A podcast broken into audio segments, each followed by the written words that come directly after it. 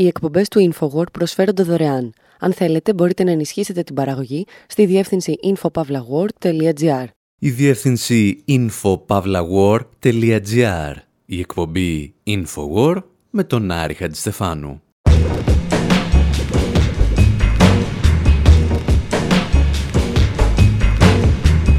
Όπου σήμερα ακούμε μουσικές και ιστορίες για μία από τις δύο χώρες του πλανήτη που αποφάσισαν να κάνουν κάτι για να σταματήσουν τη γενοκτονία στη Γάζα. Συζητάμε για την Νότια Αφρική. Και αν αναρωτιέστε, η δεύτερη είναι η Εμένη, για την οποία θα μιλήσουμε σε μια άλλη εκπομπή. Παρακολουθούμε τη ζωή ενός αγοριού από τη Μεσσηνία που έσωσε τη ζωή του Νέλσον Μαντέλα και έθεσε τις βάσεις για το νομικό πολιτισμό μιας χώρας και μιας ολόκληρης υπήρου. Καθώς η Νότια Αφρική έστειλε το Ισραήλ στο Διεθνές Δικαστήριο της Χάγης, θυμόμαστε μια χώρα που φιλοξενούσε ναζιστές, αλλά έμαθε να αναγνωρίζει και να αντιμετωπίζει τον ρατσισμό και το apartheid. They've remained faceless. For too long, they've remained nameless. We can never allow them to make us voiceless. Now's the time to speak up. I got something to say. Let's talk about Palestine. Yeah. Innocent lives gone before our eyes. Media line and desensitized. Population wiped out. It's a genocide. Humanity, where you at? Our kids blown up, not enough to act. Hospitals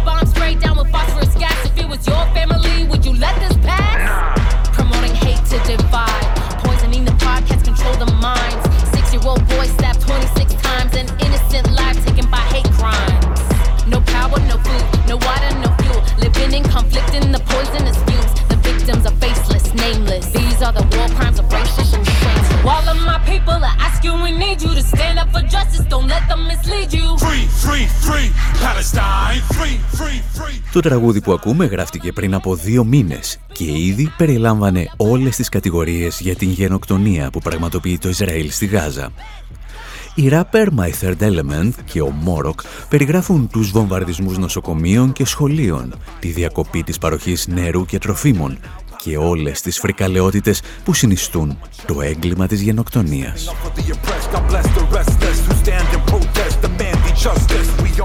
Πρόκειται για τη μουσική εκδοχή του κατηγορητηρίου που ανέλαβαν να παρουσιάσουν στο Διεθνές Δικαστήριο της Χάγης δικηγόροι και δικαστές της Νότιας Αφρικής. Άνθρωποι όπως η Μπλένα Νιχράλη, ειδική σύμβουλος της Νότιας Αφρικής, στην προσφυγή που πραγματοποίησε εναντίον του Ισραήλ. The international community has repeatedly failed. Η διεθνής κοινότητα έχει αποτύχει επανειλημμένα. Απογοήτευσε τον λαό της Ρουάντας. Έχει απογοητεύσει τον λαό της Βοσνίας και τους Ροχίνγκια. Απέτυχε ξανά αγνοώντας τις έγκυρες προειδοποιήσει για το σοβαρό κίνδυνο γενοκτονίας του Παλαιστινιακού λαού που ακούστηκαν από διεθνείς ειδικούς από τις 19 Οκτωβρίου του περασμένου έτους. Η διεθνής κοινότητα συνεχίζει να απογοητεύει τον Παλαιστινιακό λαό παρά την απροκάλυπτη αποκτηνωτική γενοκτονική ρητορική Ισραηλινών κυβερνητικών και στρατιωτικών αξιωματούχων. Η φρίκη της γενοκτονίας κατά του Παλαιστινιακού Παλαιστινιακού λαού προβάλλεται ζωντανά από τη Γάζα στα κινητά τηλέφωνα, τους υπολογιστές και τις οθόνες των τηλεράσεων μας. Είναι η πρώτη γενοκτονία στην ιστορία όπου τα θύματα της μεταδίδουν την ίδια τους την καταστροφή σε πραγματικό χρόνο με τη μέχρι στιγμής μάτι ελπίδα πως ο κόσμος μπορεί να κάνει κάτι.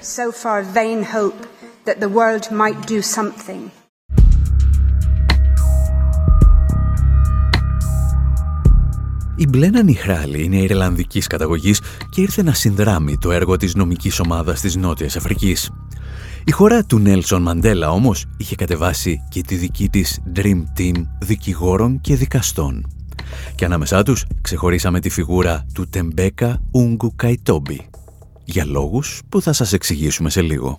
Madam President, South Africa is not alone in drawing attention Κυρία Πρόεδρε, η Νότια Αφρική δεν είναι η μόνη που εφιστά την προσοχή στη γενοκτονική ρητορική του Ισραήλ ενάντια στους Παλαιστίνιους στη Γάζα. 15 ειδικοί εισηγητές και εισηγήτηρε των Ηνωμένων Εθνών και 21 μέλη των ομάδων εργασίας των Ηνωμένων Εθνών προειδοποιούν πως αυτό που συμβαίνει στη Γάζα αντικατοπτρίζει μια γενοκτονία εν τη γενέση της και μια ξεκάθαρη πρόθεση για καταστροφή του Παλαιστινιακού λαού. Το Ισραήλ έχει γενοκτονική πρόθεση κατά των Παλαιστινίων στη Γάζα. Αυτό είναι εμφανές από τον τρόπο με τον οποίο διεξάγεται η στρατιωτική επίδεση στο Ισραήλ. Είναι συστηματική στο χαρακτήρα και τη μορφή της. Το μαζικό εκτοπισμό του πληθυσμού της Γάζας, ο οποίος οδηγείται σε περιοχές όπου συνεχίζουν να τον σκοτώνουν και τη σκόπιμη δημιουργία συνθήκων που οδηγούν σε αργό θάνατο.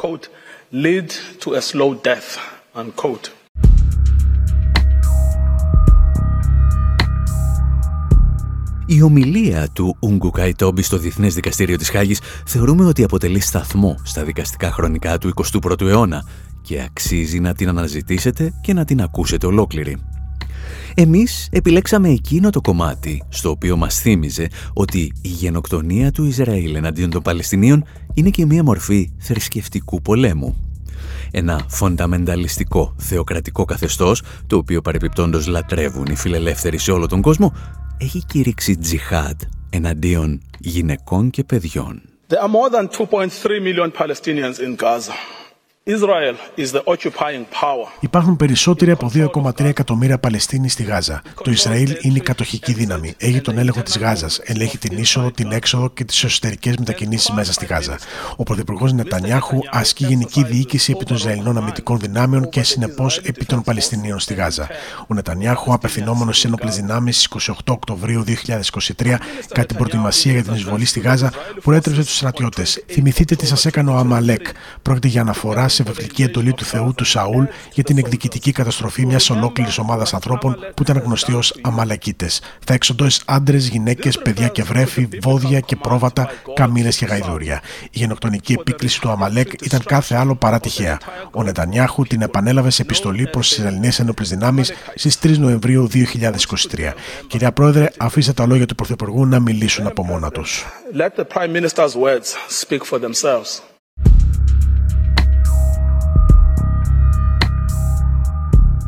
Ο Νότιο-Αφρικανός δικηγόρος είναι όπως είπαμε ένα μόνο μέλος από την εξαιρετική νομική ομάδα που έστειλε η Νότια Αφρική στο Διεθνές Δικαστήριο της Χάγης.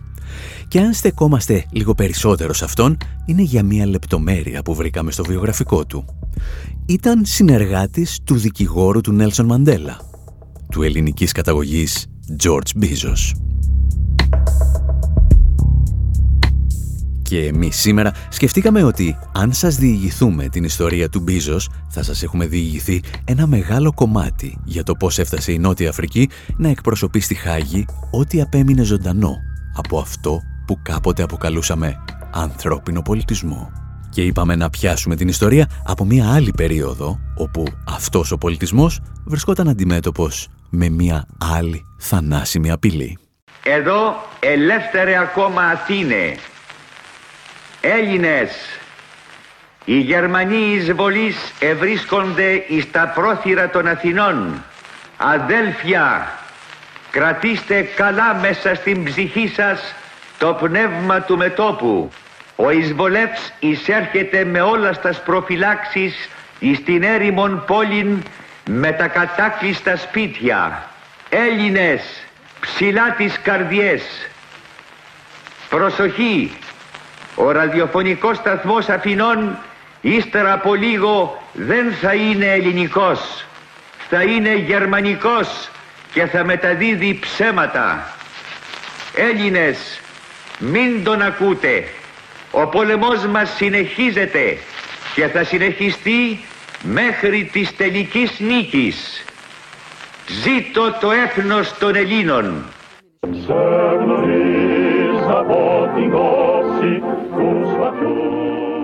27 Απριλίου 1941 η Αθήνα πέφτει στα χέρια των ναζιστικών στρατευμάτων και ο Κώστας Σταυρόπουλος, εκφωνητής του ραδιοφωνικού σταθμού Αθηνών, στέλνει το τελευταίο του μήνυμα. Για την ιστορία, το μήνυμα της 27ης Απριλίου δεν ηχογραφήθηκε ποτέ και το απόσπασμα που όλοι γνωρίζουμε αποτελεί αναπαράσταση της εκφώνησης.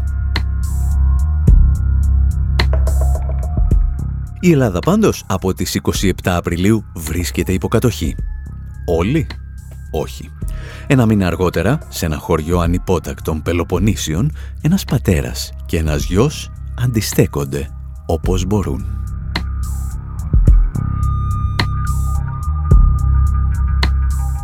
Το χωριό είναι το Βασιλίτσι Μεσσηνίας. Ο πατέρας είναι ο δήμαρχος του χωριού Αντώνης Μπίζος και ο γιος είναι ο 13χρονος τότε Γιώργος Μπίζος.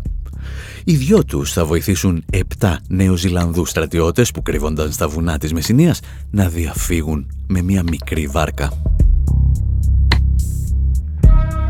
Οι εννιά επιβάτες της βάρκας είχαν μαζί τους μόνο μια μικρή πηξίδα και ένα κομμάτι από έναν χάρτη της Μεσογείου που είχαν σκίσει από έναν Άτλαντα.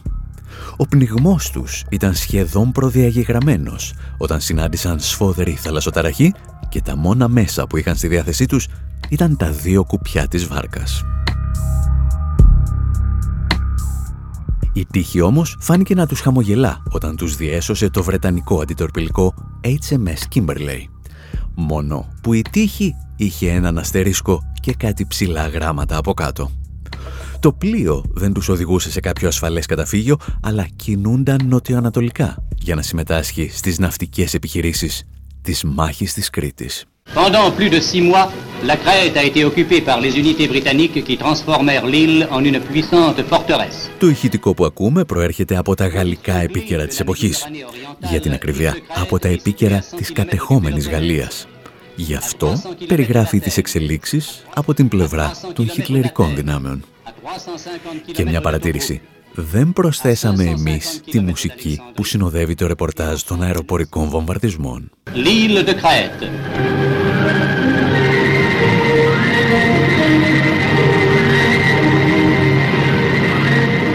Τα κατοχικά γαλλικά επίκαιρα παραλείπουν για προφανείς λόγους να αναφέρουν τι ακριβώς έκαναν οι κριτικοί στους ναζιστές που έπιαναν στο πεδίο της μάχης. Αυτό δηλαδή που πρέπει να κάνεις σε κάθε ναζιστή. Παρ' όλα αυτά δίνουν μια σχετικά ακριβή εικόνα για την έκβαση των επιχειρήσεων. Dans le vide. Parmi eux, les opérateurs de la section cinématographique de l'armée allemande qui vont filmer les... Ο μικρός Γιώργος Μπίζος ίσως να παρακολουθούσε από το κατάστρωμα του πλοίου τις ιστορικές ναυμαχίες που οδήγησαν στη βήθηση αρκετών πολεμικών πλοίων του άξονα, αλλά και τον βομβαρδισμό του αεροδρομίου της Καρπάθου. Παρά τις τρομακτικές απώλειες των Γερμανών όμως, εκείνη η μάχη είχε χαθεί από πολύ νωρίς. And once again we have to thank the Navy for getting so many gallant soldiers away from a hopeless battle. But they're by no means downhearted. Όταν τα Βρετανικά επίκαιρα μετέδιδαν πλέον την αποχώρηση των Βρετανικών δυνάμεων από την Κρήτη, το HMS Kimberley και ο μικρός Γιώργος Μπίζος κινούνταν ήδη προς το λιμάνι της Αλεξάνδρειας. Και από εκεί θα ξεκινήσει το μεγάλο προσφυγικό ταξίδι που θα φέρει τον Μπίζο στη Νότια Αφρική. Κάπου εδώ η ιστορία μας αποκτά τόσο περίεργους συμβολισμούς και συμπτώσεις που φοβόμαστε ότι κινδυνεύουμε να χάσουμε και εμείς τον ήρμο των σκέψεών μας. Προσπαθήστε όμως να μας ακολουθήσετε γιατί νομίζουμε ότι έχει ενδιαφέρον. Τόσο ενδιαφέρον που είμαστε αναγκασμένοι να παίξουμε το τραγούδι Goodbye Dolly Gray.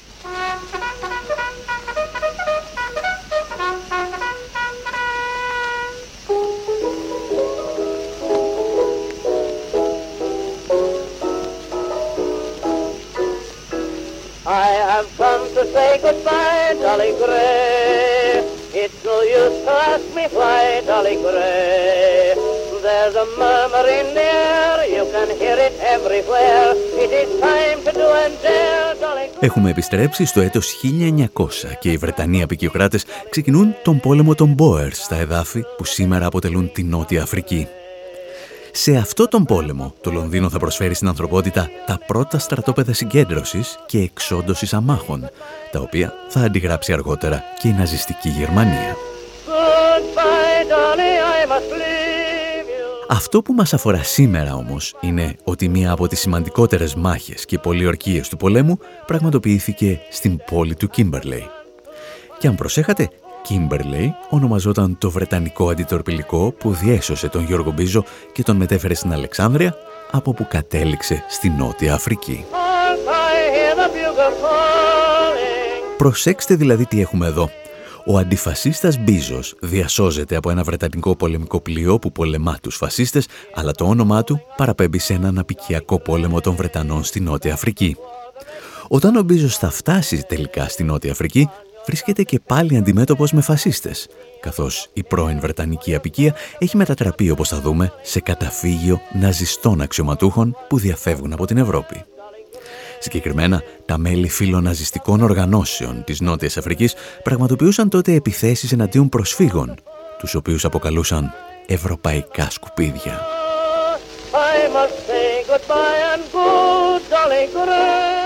Ο μικρός Γιώργος Μπίζος θα επιβιώσει όμως και μάλιστα θα διαπρέψει στα φοιτητικά του χρόνια, την περίοδο που θα γνωρίσει και τον Νέλσον Μαντέλα. Τα εξηγούσε ο τελευταίος, λίγα χρόνια πριν από το θάνατό του. I just want uh, to tell you what the name George Bezos means in this country. And uh, to me personally. Θα ήθελα να σας πω τι σημαίνει το όνομα George Bezos για αυτή τη χώρα και για μένα προσωπικά. Ήμασταν μαζί στο Πανεπιστήμιο και εργαστήκαμε μαζί ως δικηγόροι. Θυμάμαι πάντα αυτές τις ημέρες με συγκίνηση. Κυρίως γιατί εκείνη την εποχή δεν ήταν καθόλου δημοφιλές να υπερασπίζει μαχητές τη ελευθερίας. Οι συμβουλές που μου έδινε ο Μπίζο ήταν ανεκτήμητες. Όταν ήμουν στη φυλακή, έγινε πατέρας για τα παιδιά μου. Το ακούσμα των λέξεων George Bezos μου προκαλεί ένα συνέστημα που δεν θα ξεχάσω ποτέ. A particular sentiment which I've never forgotten. Στο συγκεκριμένο ηχητικό απόσπασμα που προέρχεται από ντοκιμαντέρ του Γιάννη Κατομέρη λείπει μια μικρή λεπτομέρεια. Πως ο Μπίζος θεωρείται ο άνθρωπος που έσωσε τον Μαντέλα από το εκτελεστικό απόσπασμα χρησιμοποιώντας μόνο δύο λέξεις. Γι' αυτά όμως θα μιλήσουμε στο δεύτερο μέρος της εκπομπής, όπου θα δούμε και πώς συνδέεται αυτή η ιστορία με τις κατηγορίες της γενοκτονίας που παρουσίασε η Νότια Αφρική εναντίον του Ισραήλ στη Χάγη. Οι εκπομπές του InfoWord προσφέρονται δωρεάν. Αν θέλετε, μπορείτε να ενισχύσετε την παραγωγή στη διεύθυνση infopavlagor.gr.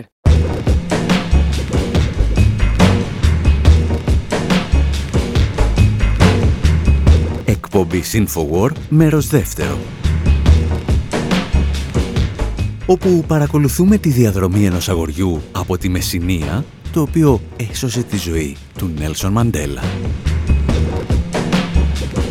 Το κάνουμε με αφορμή μία από τις σημαντικότερες δικαστικές υποθέσεις του 21ου αιώνα. Την προσφυγή της Νότιας Αφρικής εναντίον του Ισραήλ στο Διεθνές Δικαστήριο της Χάγης για την γενοκτονία που πραγματοποιεί στη Γάζα.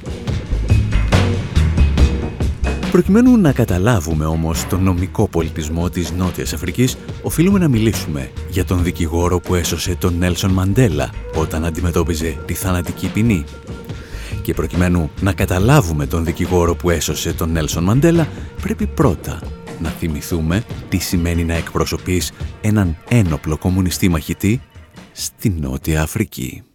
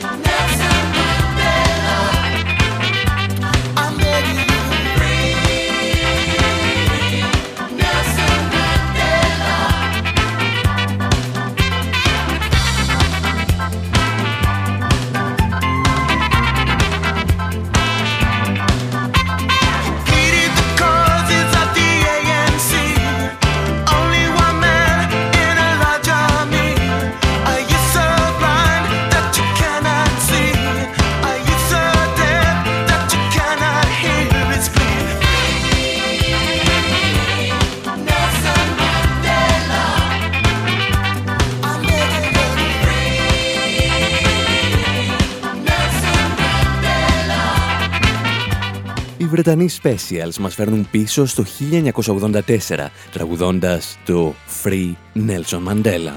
Τραγουδούν για τον ήρωα που τα έβαλε με το ρατσιστικό καθεστώς της Νότιας Αφρικής. Τραγουδούν για έναν άνθρωπο που πέρασε τα 27 καλύτερα χρόνια της ζωής του στη φυλακή. Στη φυλακή ενός φιλοφασιστικού καθεστώτος. Το καθεστώς Apartheid της Νότιας Αφρικής. Οι Specials μιλάνε για τα βασανιστήρια που υπέστη ο Νέλσον Μαντέλα και την κράτησή του σε ένα μικροσκοπικό κελί για σχεδόν τρεις δεκαετίες. Και στο τέλος εκλυπαρούν. Σας παρακαλώ απελευθερώστε τον Νέλσον Μαντέλα. Πολύ καλές προθέσεις, αλλά ελαφρώς λάθος στίχος. Γιατί ο Μαντέλα πρώτος μας δίδαξε με τη στάση του αυτό που έλεγε κάποτε και ο Βάρναλης ότι τη λευτεριά δεν τη ζητάνε με παρακάλια, την επέρνουν με τα δικά τους χέρια μοναχοί. Ήδη από τα τέλη της δεκαετίας του 40 ο Νέλσον Μαντέλα έχει αφιερώσει τη ζωή του απέναντι στο καθεστώς του λεγόμενου Apartheid. Η επίσημη ιστορία θα επιχειρήσει να τον καταχωρήσει στα κοιτάπια της σαν ένα ακόμη απόστολο της μη βίας. Η πραγματικότητα όμως απέχει μερικές χιλιάδες έτη φωτός. Ήδη από τη δεκαετία του 50 τον βρίσκουμε να διαβάζει και να ξαναδιαβάζει τα κείμενα του Μάρξ, του Λένιν αλλά και του Μάο. Το 1961 μάλιστα θα συνεργαστεί με το Κομμουνιστικό Κόμμα της Νότιας Αφρικής για να δημιουργήσουν μαζί την οργάνωση Umkonto Wisize, ουσιαστικά το στρατιωτικό σκέλος του Αφρικανικού Εθνικού Κογκρέσου. Μέσα από αυτό θα ξεκινήσει ένοπλο αγώνα απέναντι σε ένα από τα πιο αυταρχικά και αιμοσταγή καθεστώτα του πλανήτη. Κατάσταση την οποία θα επιχειρήσει να περιγράψει μερικά χρόνια αργότερα και ο Τζιλ Σκοτ Χίρον στο τραγούδι του Johannesburg. Τον ακούμε και επιστρέφουμε εντός ολίγου με τις δικές μας ιστορίες. εκπομπή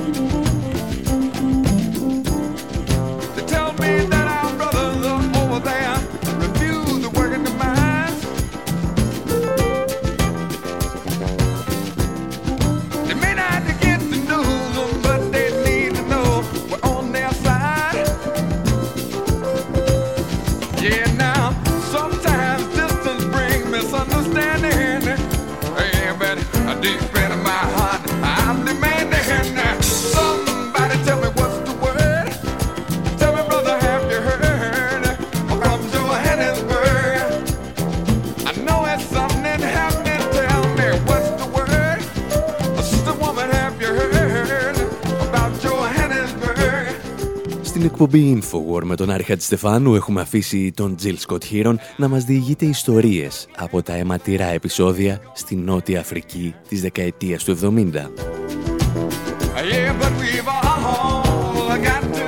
Πες μου αδερφέ μου τι γίνεται στο Johannesburg γιατί οι ειδήσεις που φτάνουν σε εμάς δεν είναι αξιόπιστες, τραγουδά ο Τζιλ Σκοτ Χίρον. Τραγουδά δηλαδή για μία ακόμη επανάσταση η οποία δεν μεταδίδεται από την τηλεόραση. Και αυτό ήταν ένα από τα μεγαλύτερα προβλήματα για τον καταπιεσμένο πληθυσμό των μαύρων της Νότιας Αφρικής, ότι οι ειδήσεις για το καθεστώς του Απαρτχάιντ δεν έφταναν για δεκαετίες στη Δύση.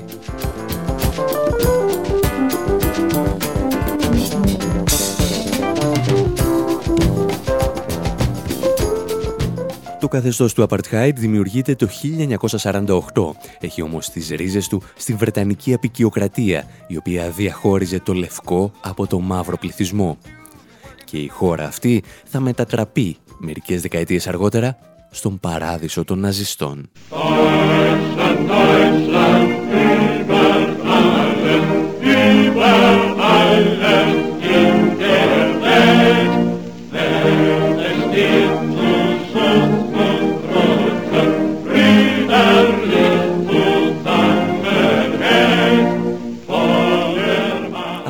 Τέλος του Δεύτερου Παγκοσμίου Πολέμου στη Νότια Αφρική βρίσκουν καταφύγιο αρκετοί αξιωματούχοι της ναζιστικής Γερμανίας.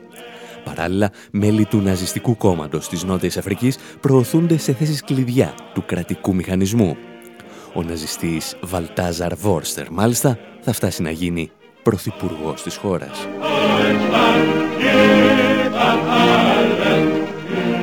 Δεν είναι άλλωστε τυχαίο ότι το 1983 θα περάσει από εκεί και ο Νίκος Μιχαλολιάκος της χρυσής αυγής για άγνωστο μέχρι στιγμής λόγο. Το παράδοξο είναι ότι ενώ με το πέρασμα του χρόνου το φιλοφασιστικό καθεστώς του Απαρτχάιντ απομονώνεται από τη διεθνή κοινότητα, υπάρχει μια χώρα που εξακολουθεί να το στηρίζει με όλες τις τις δυνάμεις. Και η χώρα αυτή ονομάζεται Ισραήλ. Νοτιοαφρικάνοι πρωθυπουργοί θα δηλώσουν δημόσια ότι θαυμάζουν τον τρόπο με τον οποίο το Ισραήλ αντιμετωπίζει τους Παλαιστίνιους. Οι δύο χώρες μάλιστα πιστεύετε ότι συνεργάστηκαν προκειμένου το Ισραήλ να αποκτήσει το πυρηνικό του οπλοστάσιο.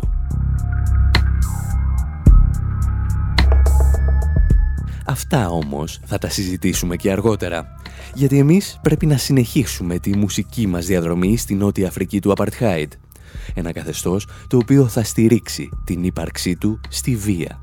Και ένα από τα θύματα αυτής της βίας ήταν και ο Στίβ Μπίκο, για τον οποίο τραγουδά εδώ ο Πίτερ Γκάμπριελ.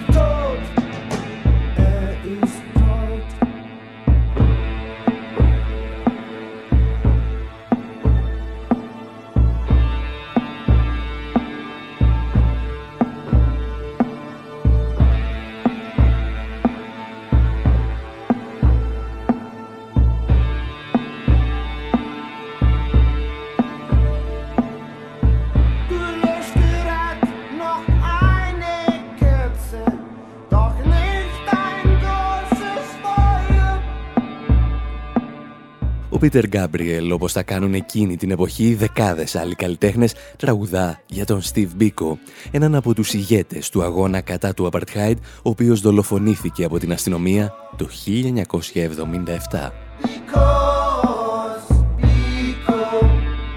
Ο Μπίκο είχε μετατραπεί σε φόβο και τρόμο για το καθεστώς, το οποίο κατέφυγε στη γνωστή τεχνική για να τον αντιμετωπίσει τον βάφτισε τρομοκράτη και χρησιμοποίησε εναντίον του όλα τα άρθρα της αντιτρομοκρατικής νομοθεσίας. Ανάμεσα σε άλλα, του απαγόρευσαν να μιλά ταυτόχρονα σε περισσότερα από ένα άτομο. Ο Μπίκο θα γίνει γνωστός στην κοινή γνώμη της Δύσης μέσα από τραγούδια σαν και αυτό του Πίτερ Γκάμπριελ, όπως και το όνομα του Νέλσον Μαντέλα που φτάνει στο Βρετανικό ακροατήριο και μέσα από τα τραγούδια των Specials.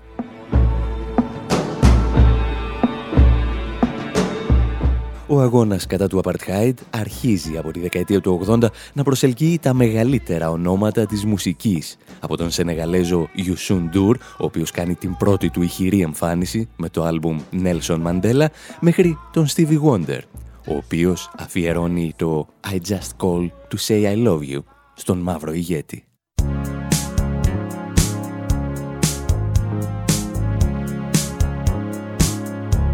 No New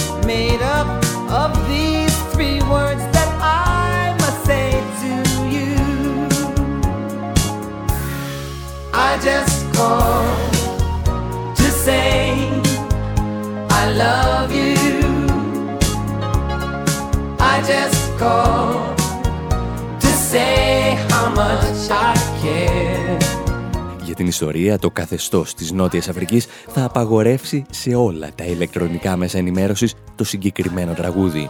Ίσως η πιο ηλίθια απαγόρευση στην ιστορία των αυταρχικών καθεστώτων του 20ου αιώνα.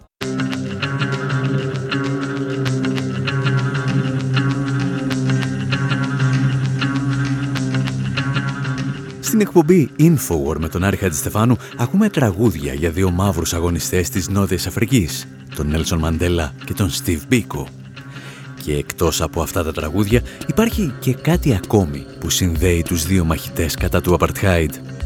Είχαν και οι δύο για δικηγόρο τον ελληνικής καταγωγής George Μπίζο. Ο Μπίζος θα γίνει γνωστός σε ολόκληρο τον κόσμο το 1964, όταν εκπροσωπεί τον Νέλσον Μαντέλα στη θρηλυκή δίκη της Ριβόνια. Οι αρχές έχουν συλλάβει ένοπλα μέλη του νεοειδερηθέντος στρατιωτικού σκέλους του Αφρικανικού Εθνικού Κογκρέσου, τα οποία αντιμετωπίζουν είτε ισόβια δεσμά, είτε την ποινή του θανάτου. Για αυτή τη δίκη, ο Νέλσον Μαντέλα θα γράψει μια ιστορική απολογία, η οποία θεωρείται από ορισμένους ως μια από τις σημαντικότερες ομιλίες του 20ου αιώνα. Πρότυπό του αποτελούσαν οι ομιλίες του Φιντέλ Κάστρο. I do not, however, deny that I planned sabotage. I did not plan it. Ο Μαντέλα αποδέχεται την κατηγορία ότι πραγματοποιούσε επιχειρήσεις σαμποτάζ εναντίον του καθεστώτος του Απαρτχάιντ και μαζί αναγνωρίζει το δικαίωμα του καταπιεσμένου μαύρου πληθυσμού της Νότιας Αφρικής στην ένοπλη πάλη. Όλα όμως θα κρυθούν στην τελευταία πρόταση της τελικής απολογίας του στο δικαστήριο. I have cherished the ideal of a democratic and free society Ο Μαντέλα κλείνει την ομιλία του λέγοντας ότι ονειρεύεται μια δημοκρατική και ελεύθερη κοινωνία όπου όλοι οι άνθρωποι θα ζουν αρμονικά σε καθεστώς ισότητας. Είναι, λέει, ένα ιδανικό για το οποίο ελπίζει να ζήσει και να το δει να πραγματοποιείται. Αλλά αν χρειαστεί, είναι ένα ιδανικό για το οποίο είναι έτοιμος να πεθάνει. It is an ideal which I hope to live for and to achieve. But if it needs be, it is an ideal for which I am prepared to die. Στο αρχικό σχέδιο της απολογίας του, ο Μαντέλα έλεγε απλώς ότι είναι έτοιμος να πεθάνει για αυτό το ιδανικό. Λέγεται όμως ότι ο George Μπίζος τον έπεισε να προσθέσει τις λέξεις «αν χρειαστεί». Και αυτό άλλαξε την ποινή του δικαστηρίου από την θανατική ποινή σε ισόβια. Χωρίς τις λέξεις «αν χρειαστεί», ο Μαντέλα έστελνε το μήνυμα ότι είναι αποφασισμένος να πεθάνει. Θα γινόταν δηλαδή μάρτυρας, προκαλώντας νέα κοινωνική έκρηξη. Οι λέξεις «αν χρειαστεί» έδειχναν ότι αυτό δεν είναι μονόδρομος. Και ο δικαστής λέγεται ότι το κατάλαβε.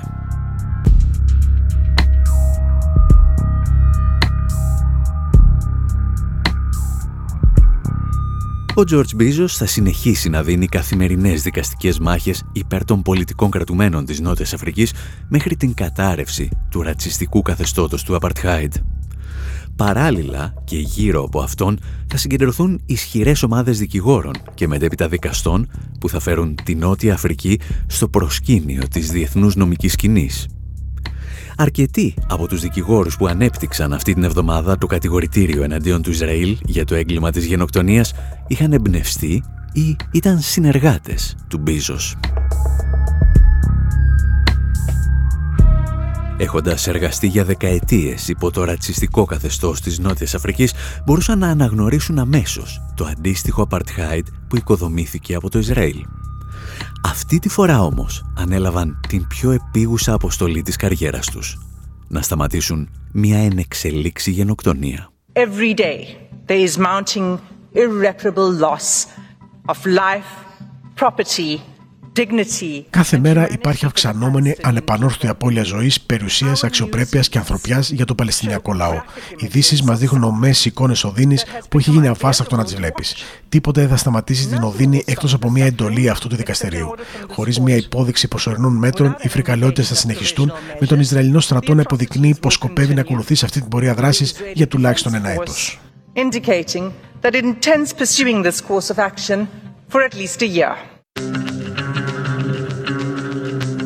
Στο σημείο αυτό, εμείς πάντως θα σας αφήσουμε και για αυτή την εβδομάδα.